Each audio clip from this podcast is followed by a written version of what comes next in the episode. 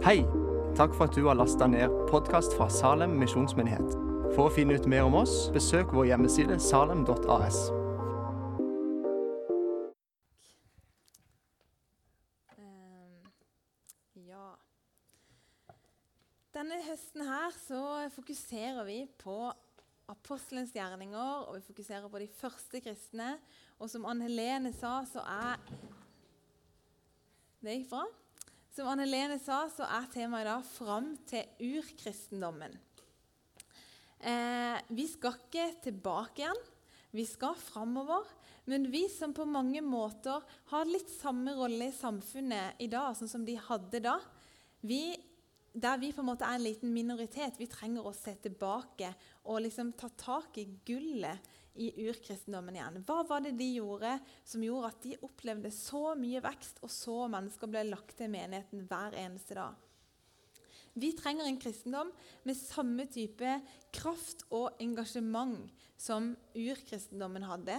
Så vi kan håpe at, at historien på en måte skal gå fra urkristendommen og fram til noe som ligner på urkristendommen igjen.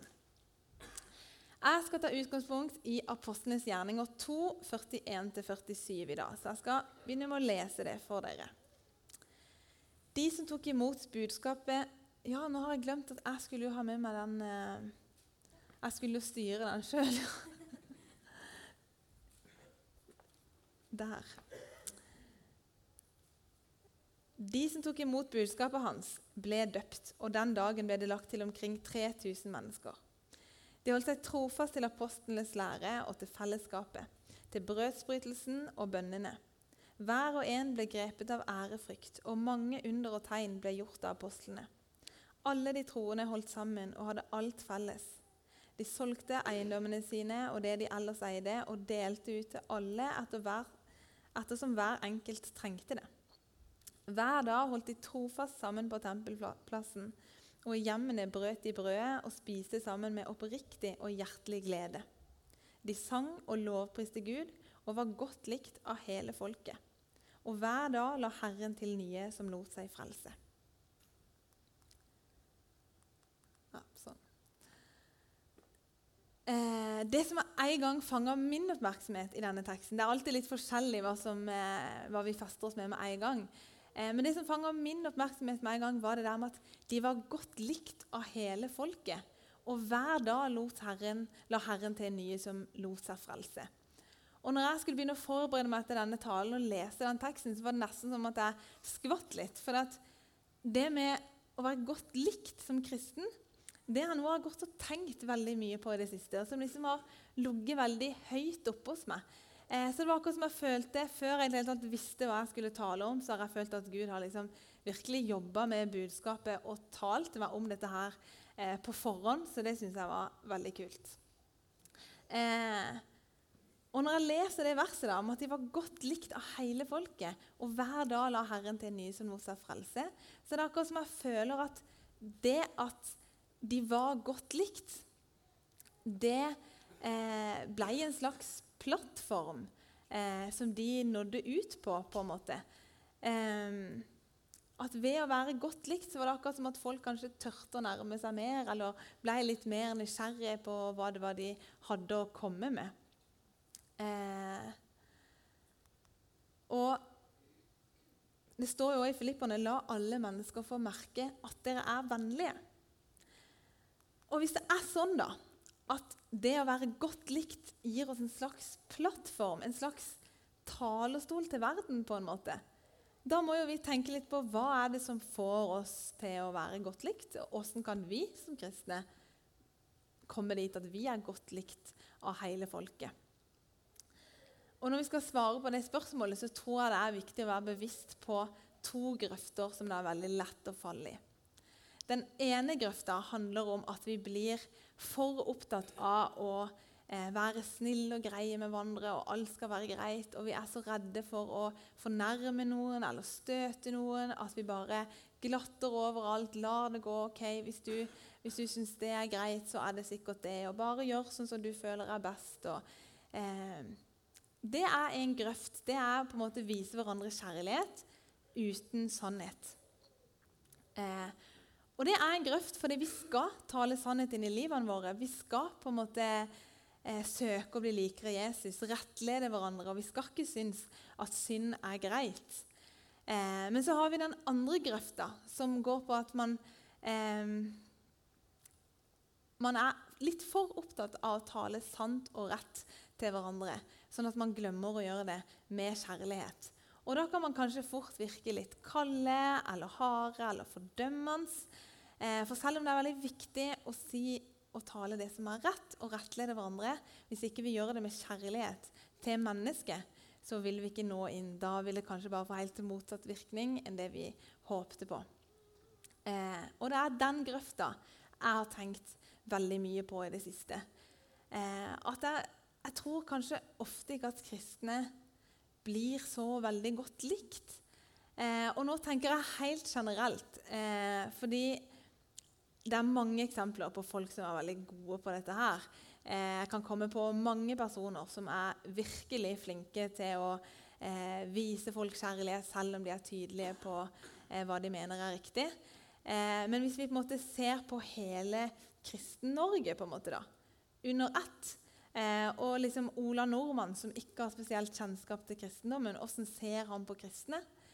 Eh, mange mye av befolkninga vil sikkert tenke at de har et godt inntrykk av kristne, og kirka er et sted der kan komme og få hjelp og trøst og forståelse hvis de trenger det. Men jeg tror òg mange vil tenke at eh, kristne er ofte litt fordømmende. De hever seg ofte litt over andre. De tror at de er bedre.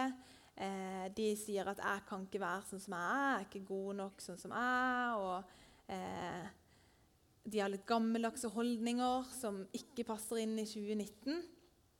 Eh, jeg frykter at mange tenker det. Eh, og jeg tror det er et problem at ja, vi kanskje ikke er sånn supergodt likt eh, som kristne. At ikke vi har et sånn veldig godt rykte. Eh, jeg kan kjenne veldig på det sjøl òg. Eh, når jeg prøver å tale det jeg tror er sant, eh, så syns jeg det er så vanskelig å ikke samtidig bli oppfatta som fordømmende eller nedlatende. Eh, jeg kan ofte sitte igjen med følelsen av at andre tror at jeg hever meg over dem, eller at jeg tror at jeg er bedre, bare fordi jeg sjøl prøver å velge eller handle annerledes enn andre, eh, så føler jeg at folk oppfatter meg som nedlatende fordi de andre ikke gjør det samme. Eller jeg syns det er så vanskelig det der, å skulle både gjøre det jeg syns er rett sjøl, og samtidig ikke virke fordømmende, eller samtidig bare vise kjærlighet. på en måte. Så Jeg tror generelt at vi kristne har veldig lett for å havne i en av de to grøftene. Enten eh, med kjærlighet uten sannhet, eller med sannhet uten kjærlighet. Eh, og så tror jeg kanskje at de som ikke er kristne, kanskje oftest opplever oss i den grøfta uten kjærlighet. Eh, og det kan det være mange gode grunner til, egentlig. Men jeg tror allikevel at det er et liksom problem at ikke vi på helt generell basis kanskje ikke er sånn supergodt likt eh, i samfunnet. Og Idealet som vi skal strekke oss etter, det står i eh, i det som vi har kalt for menighetens bibeltekst i Efeserne 4. Eh, det står at vi skal være tro mot sannheten i kjærlighet og i ett og alt vokse opp til Han som er hodet, Kristus. For Jesus er det perfekte eksempelet her på både å ha sannhet og kjærlighet. Vi leser om han i Johannes eh, 1. Og ordet ble menneske og tok bolig blant oss, og vi så hans herlighet. En herlighet som den enebårne sønn har, for, har fra sin far full av nåde og sannhet. Jesus var full av nåde og sannhet. Og det ser vi òg veldig tydelig i åssen han var. Eh, han møtte jo mennesker med nåde og med kjærlighet, og alle ville jo være rundt Jesus. Folk flokka seg jo rundt han, og alle følte seg bra rundt han. Samtidig så var han jo supertydelig på hva som var riktig. Eh, og han sa liksom 'gå bort og synd ikke mer'. Og han ga på en måte et helt uoverkommelig eksempel eh, sjøl på hvordan man skal leve, og hva som er riktig. Men allikevel så ble folk tiltrukket til han. Folk ville være rundt han. Eh, selv de som på en måte i menneskelig standard var de største synderne, eh, og sånn, de følte seg bra rundt Jesus. Rundt syndfrie, perfekte Jesus. Eh, de følte seg liksom sett og elska. Så Jesus han klarte virkelig den balansen mellom å både ha sannhet og kjærlighet. Og vi, vi er jo Jesu kropp på jorda. Man kan ikke se Jesus fysisk lenger, men man kan se oss. Vi representerer Jesus på jorda. Så vår oppgave som kirke er jo egentlig at folk skal se Gud gjennom oss. At de skal se Guds kraft, at de skal se Guds visdom, eh, at de skal se Gud er ekte. Og realitet, på en måte. Eh, så åssen inntrykk vi gir til omgivelsene våre, åssen inntrykk folk får av oss, det har òg noe å si for åssen inntrykk de får av Gud. Eh, og det, gir, det påvirker òg kanskje hvilken talerstol vi har å tale på, på en måte, hvor mye folk hører på oss, eller eh, ja, hvor troverdige vi er, kanskje. Eh, så åssen vi blir oppfatta, det har faktisk ganske stor betydning. Det er noe vi må ta på alvor. Og Jesus han er idealet, idealet, vårt. Han er noe vi kan strekke oss etter. Han viser hvordan, man skal leve, både med sannhet og kjærlighet. Men vi klarer jo ikke å følge hans eksempel. Eh, vi gjør jo ikke det. Så kanskje trenger vi òg noen, noen, menneskelige forbilder som vi på en måte kan herme etter litt lettere. Eh, som har gått foran. Og det så jo ut som at disiplene også tydeligvis klarte det der ganske bra. For det står jo at de var godt likt av hele folket. Og hver dag lot, la Herren til nye som lot seg frelse. Åssen klarte de det? Hva var det de gjorde som ikke vi gjør? Disse versene som, eh, som jeg leste nå, de gir oss, gir oss en slags nøkkel til hva som bar de sine kristenliv, og hva vi kan gjøre for å herme. I vers 42 så står det de holdt seg trofast til apostelens lære og til fellesskapet, til brødsbrytelsen og bønnene. Dette verset her, det er egentlig en oppsummering av eh, alle de andre versene. Og det gir oss en slags oppskrift på Åssen eh, de første kristne levde. Hva var det de gjorde? Hva var det som på en måte bar de sine kristenliv? Eh, de holdt seg trofast til eh, apostlenes lære, til fellesskapet, til brødsbrytelsen og til bønnene. Vi kan kalle det for å huske litt bedre, de fire b-ene. Bibel, broderfellesskap, brødsbrytelse og bønn. Eh, og det er egentlig det kristne alltid har bygd på siden. Eh, dette er ikke noe nytt, men jeg tror allikevel at vi trenger på nytt å gå inn og virkelig forstå betydninga av disse tingene eh, for å nærme oss på nytt der som de første kristne var. Eh, men før jeg sier litt mer om de tingene, så har jeg lyst til å stoppe litt opp med akkurat det med at de holdt seg trofast til. For det er litt viktig. For det å holde seg trofast til noe, det er å på en måte gi seg hen til noe, eller gi konstant oppmerksomhet til noe. Eh, og De første kristne de gir oss et eksempel på hvordan de holdt seg trofaste til livet med Gud. Og jeg tror mange av oss i dag ikke følger det eksempelet. Fordi vi har, I livet vårt så har vi mange ting eh, vi er opptatt av. Vi har kanskje jobb, skole, familie, eh, hobbyer og sånn. Og så er, vi, og så er man kristen. Så er det én av, av mange ting i livet ditt som er på en måte en del av det. Men det å holde seg trofast til livet med Gud, det tror jeg betyr at på en måte du Det at du er kristen, det, det gjennomsyrer deg. på en måte. Det er det som definerer deg. Det er det du først og fremst er. Du er kristen. Det, det på en måte påvirker eh, Det påvirker liksom hele deg som person. Hva du mener, hvilket, hvilke verdier du har, hvordan du snakker med folk, hvordan du ser på mennesker, hvem du velger å være sammen med, eh, hva du mener, hva, eh, hva, du liker å gjøre, kanskje. Altså Hvilket, hvilket eh, verdensbilde du har. Det at du er kristen, det er på en måte det påvirker så mye åssen du er som person. Det er, måte, det, det er det du først og fremst er. Og så har du mange andre ting i livet ditt òg. Du liker kanskje å spille fotball, eller du liker å tegne, og så er du glad i familien din, og så går du på skole. Eh, men det er forskjell på en måte være en fotballspiller som er god på skolen, og også er kristen, og å være en kristen som også liker å spille fotball og er god på skolen.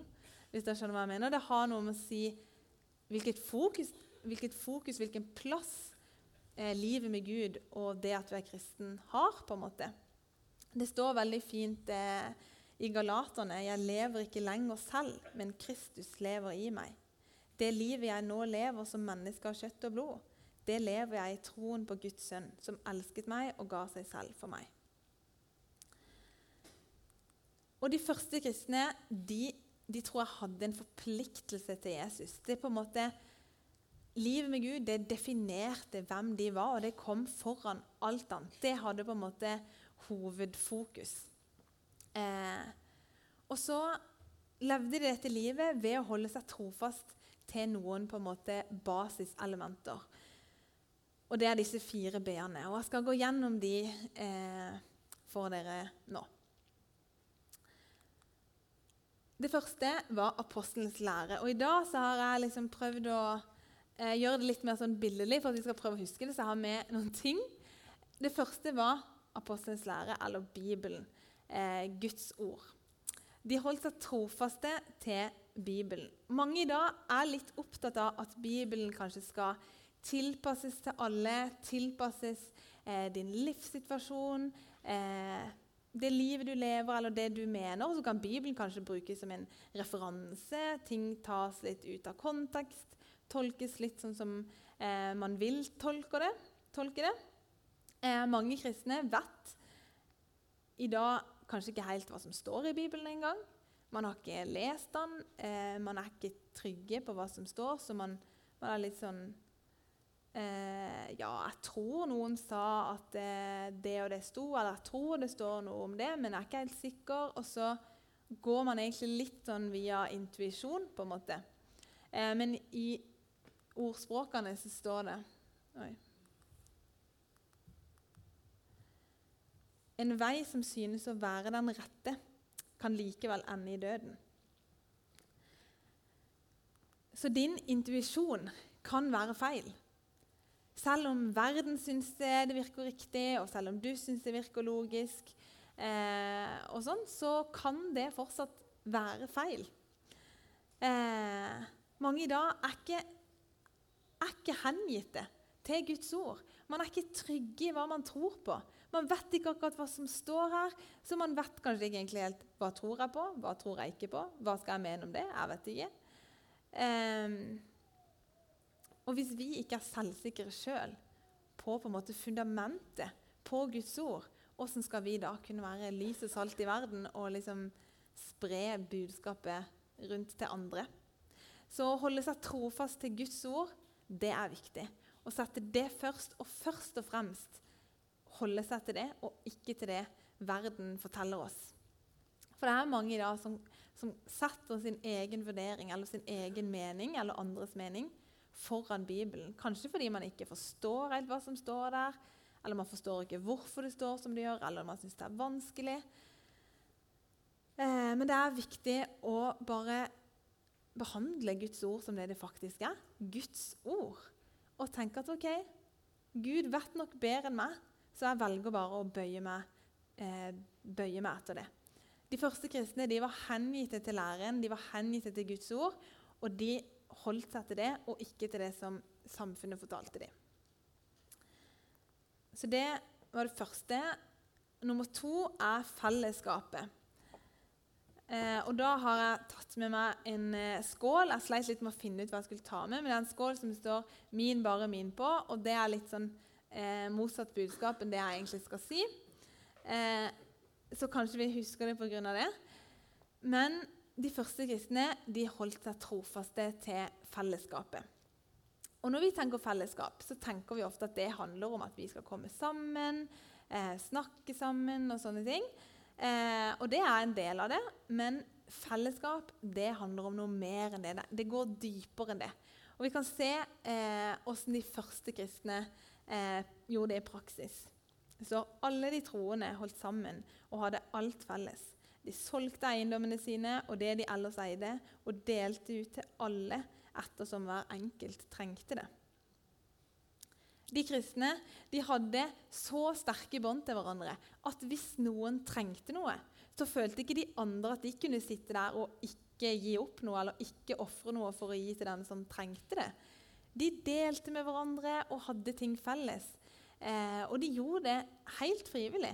Det var ikke fordi at det, de måtte eller de burde fordi at de skal være gode kristne, sånn som vi kan føle på i mange settinger. Men de gjorde det helt frivillig fordi de hadde en sånn oppofrende kjærlighet til hverandre. De tenkte, de tenkte mm, ikke meg og mitt, men de tenkte oss og vårt. Og det kristne fellesskapet det er ment til å være nære relasjoner. Det er ment til å være dype relasjoner. Det er ikke ment til å være at vi skal komme på gudstjeneste, hilse og smile pent til noen på sida oss, si hei til noen på kirkekaffen, og så gå hjem igjen. Det er ment til å være noe dypere enn det. Det er egentlig ment til å være et sted der alle de hverandrene som vi leser om i Det nye testamentet, blir satt ut i praksis. Det at vi skal elske hverandre, vi skal tjene hverandre, vi skal formane hverandre, vi skal tilgi hverandre, vi skal bære hverandres byrder eh, osv. Det er ment til å være et sted der vi skal sette disse tingene ut i praksis. Ikke perfekt, men vi skal prøve. Og så tror jeg at Gud er i fellesskapet. Gud virker i fellesskapet. Gud eh, han taler til oss gjennom fellesskapet. Han skaper vekst gjennom fellesskapet. Han skaper frimodighet gjennom fellesskapet. Um, og han kvitter seg med tvil gjennom fellesskapet. Han tar vare på oss gjennom fellesskapet. Jeg tror Ved å være i fellesskapet så vil du se mye mer av Gud enn hvis du ikke er det. Fordi Gud er i fellesskapet, og han viser seg gjennom fellesskapet på mange ulike måter. Så det er forskjell på å liksom gå i kirka litt av og til og tenke at her dette vil jeg skal være mitt hjem. Dette skal være min gjeng. liksom. Her vil jeg tilhøre. Disse menneskene vil jeg bry meg om. Disse menneskene vil jeg gå den veien Gud leder oss til, sammen med. Eh, hvis du tenker sånn, så vil du ha en litt annen opplevelse av åssen det er å, å, tilhøre et fellesskap, enn hvis du eh, bare kommer litt av og til. Og De kristne, de første kristne de var virkelig hengitt til fellesskapet og til hverandre. De møttes ikke bare en gang innimellom og smilte høflig og sa hei. Det står faktisk at eh, hver dag holdt de trofast sammen på tempelplassen. Vi trenger å være hengitte til hverandre. Vi trenger å holde oss trofast til hverandre og til fellesskapet. Vi trenger å være oss og vi på en måte istedenfor meg og mitt. Jeg trenger det, og du trenger meg for å kunne gå den veien som Gud leder oss til. Vi er på en måte blitt gitt til hverandre som en gave fra Gud. Og så er det den eh, tredje tingen brødsbrytelsen. Eh, de holdt seg trofaste til brødsbrytelsen. Og det kan bety at de delte nattverd når de kom sammen. Det kan òg bety det generelle måltidsfellesskapet, eller det kan bety at de gjorde begge deler. Vi leser det som står. Hver dag holdt de seg trofast sammen på tempelplassen, og hjemmene brøt de brødet og spiste sammen med oppriktig og hjertelig glede.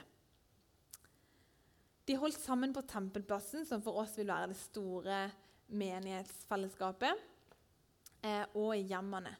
Og Det viser oss at det er viktig med det store fellesskapet som vi har her på søndag, men òg med de små fellesskapene vi har i hjemmene i løpet av hverdagen, som for oss kan være små fellesskap, f.eks. Der man kommer sammen, eh, kommer tettere på og får liksom delt liv og tro på en litt annen måte. Eh, men så står det at de spiste sammen med oppriktig og hjertelig glede. Det å være sammen det var noe de satt høyt. de gjorde det med liksom oppriktig glede. Det var ikke sånn her, åh, jeg har egentlig bare lyst til å sitte og lese aviser i dag eller se på TV, men så må jeg på bibelgruppe. liksom. Det var sånn Ja, dette vil vi. Dette gjør vi oppriktig. Fordi vi gleder oss over å gjøre det. Og når jeg leser det, så tenkte jeg jeg skjønner på en måte litt hvorfor de var liksom tiltalende å være rundt.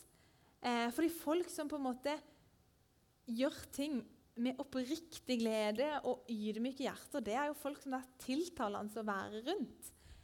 De, de holdt seg liksom trofast til det de trodde på, til læren og til hverandre. Og så gjorde de det med oppriktig glede. Og jeg tror kanskje det er noe av nøkkelen til hvorfor de eh, ble så godt likt. Eh, det er liksom noe tiltalende med det. I Galaterne eh, så står det men åndens frukt er kjærlighet, glede, fred, overbærenhet, vennlighet, godhet, trofasthet, ydmykhet og selvbeherskelse. Åndens frukter er ting som gjør mennesker tiltalende å være sammen med. For mennesker som er kjærlige og glade og ydmyke og overbærende med andre, det er mennesker man har lyst til å være rundt. Det er mennesker man blir oppbygd av å være rundt. Så jeg tror kanskje det er noe av nøkkelen. At de lot seg fylle med ånden, og så lot de åndens frukter få lov å prege dem. Og selv om de da var trofaste til ordet og trofaste til sannheten, så var de allikevel tiltalende å være sammen med. Uansett hvor tydelig man, man er eh, på hva som er sant, så vil man liksom Når man er ydmyke og overbærende og liksom har oppriktig glede og kjærlighet for hverandre, så, så vil folk på en måte være rundt deg. Og de som ikke var kristne, de så jo disse tingene. Eh, de fikk det med seg. De kristne var liksom ikke skjult sånn at ingen så dem. For det står jo at eh, nye ble lagt til dem hver eneste dag. Så de ikke-troende må jo ha fått med seg dette her. Jeg tror at de var flinke til å utnytte de treffpunktene de hadde med de som ikke trodde. Eh, Paulus han skriver til kolossene. Gå fram med visdom blant dem som står utenfor, og bruk den dyrebare tiden godt. La alt dere sier være vennlig, og la det ha salt og kraft, så dere vet hvordan dere skal svare hver enkelt. Jeg tror at mye av grunnen til at nye ble lagt til hver dag, var for at de første kristne tok dette her på alvor. De skapte treffpunkter, og så utnytta de de treffpunktene på en vis og vennlig måte. Vi var en gjeng som var i Sheffield i vår, og vi ble så inspirert av måten de nådde ut til de ikke-troende på. Eh, Istedenfor å tenke at de skulle bare invitere folk med på gudstjeneste, så inviterte de de eh, i hjemmene eh, på et måltid. Naboer, eh, folk de kjente, inviterte de hjem bare for å måte bli kjent og bygge vennskap. Men vi trenger å eh, skape oss treffpunkter med de som ikke tror, og så trenger vi å utnytte de på en vis og vennlig måte. Og Måltidet da er jo en veldig god arena. For å samles rundt et måltid det har alltid vært veldig fellesskapsbyggende. Og så er det òg en sånn helt ufarlig ting eh, å være med på.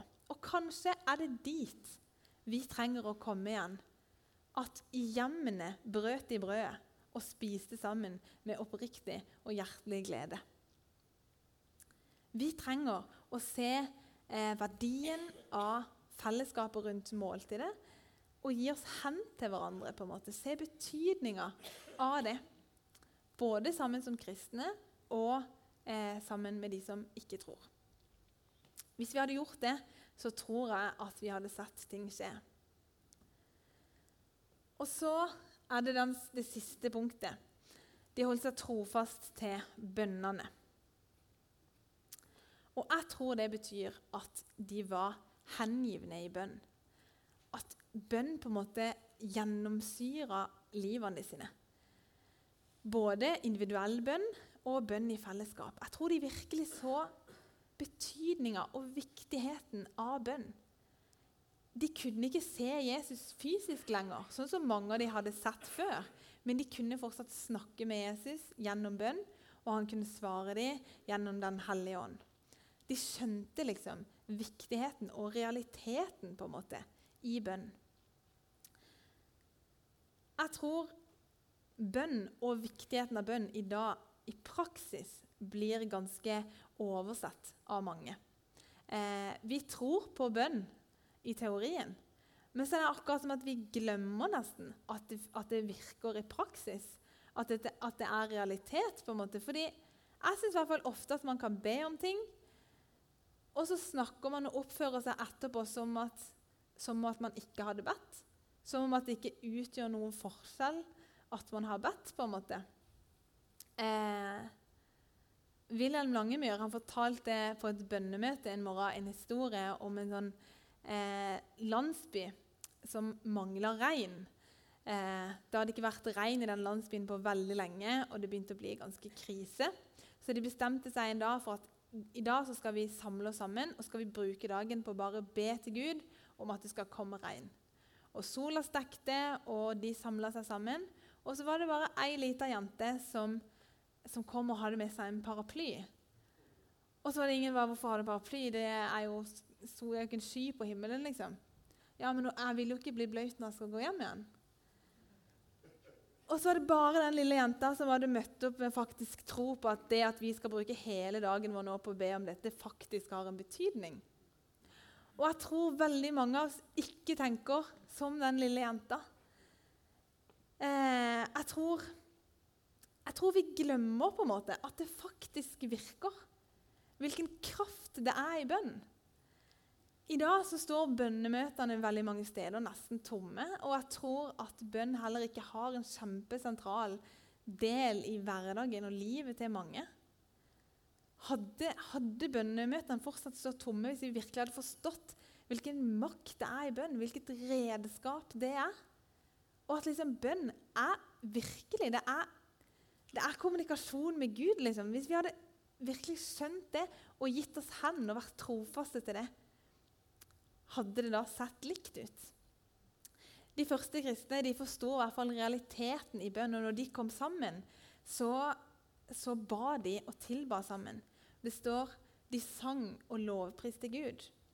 Så når de møttes, så møtte de Gud. De møttes ikke bare for å snakke om Gud, snakke om menigheten, argumentere om ting. Eh, de møttes heller ikke bare for å spise kake og drikke kaffe. De møttes, og så inviterte de Gud med i fellesskapet. De liksom, når de møttes, så møtte de Gud. De ba, og de tilba sammen.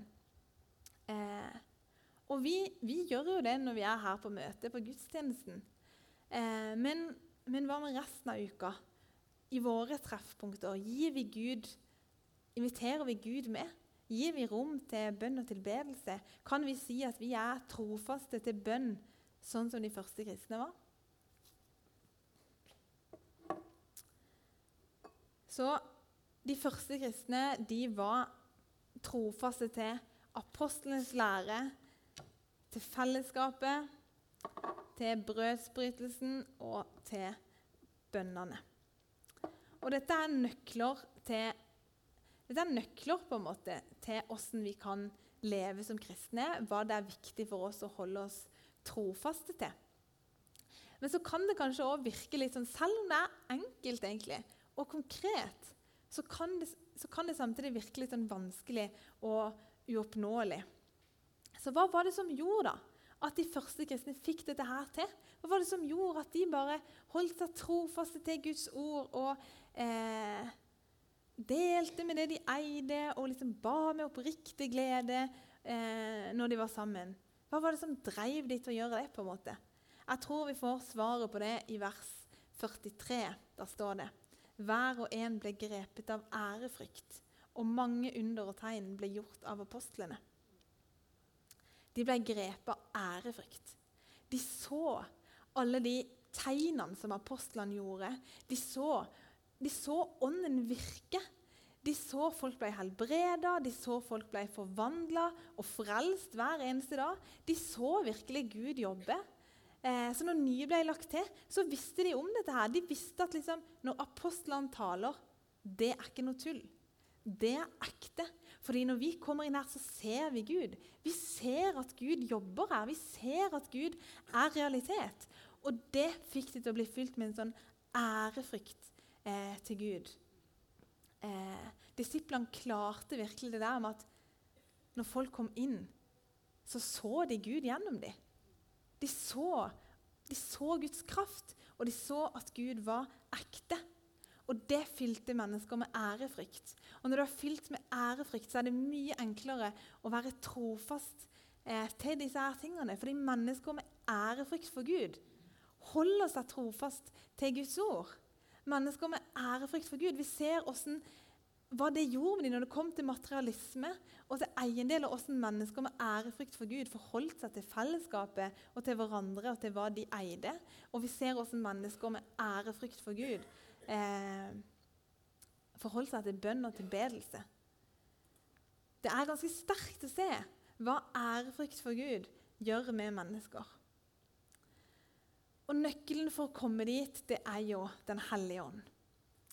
Det er å la Den hellige ånd få plass i livene våre, la Den hellige ånds frukter eh, få prege oss. Fylle oss med Den hellige ånd, sånn at Den hellige ånd kan virke gjennom oss.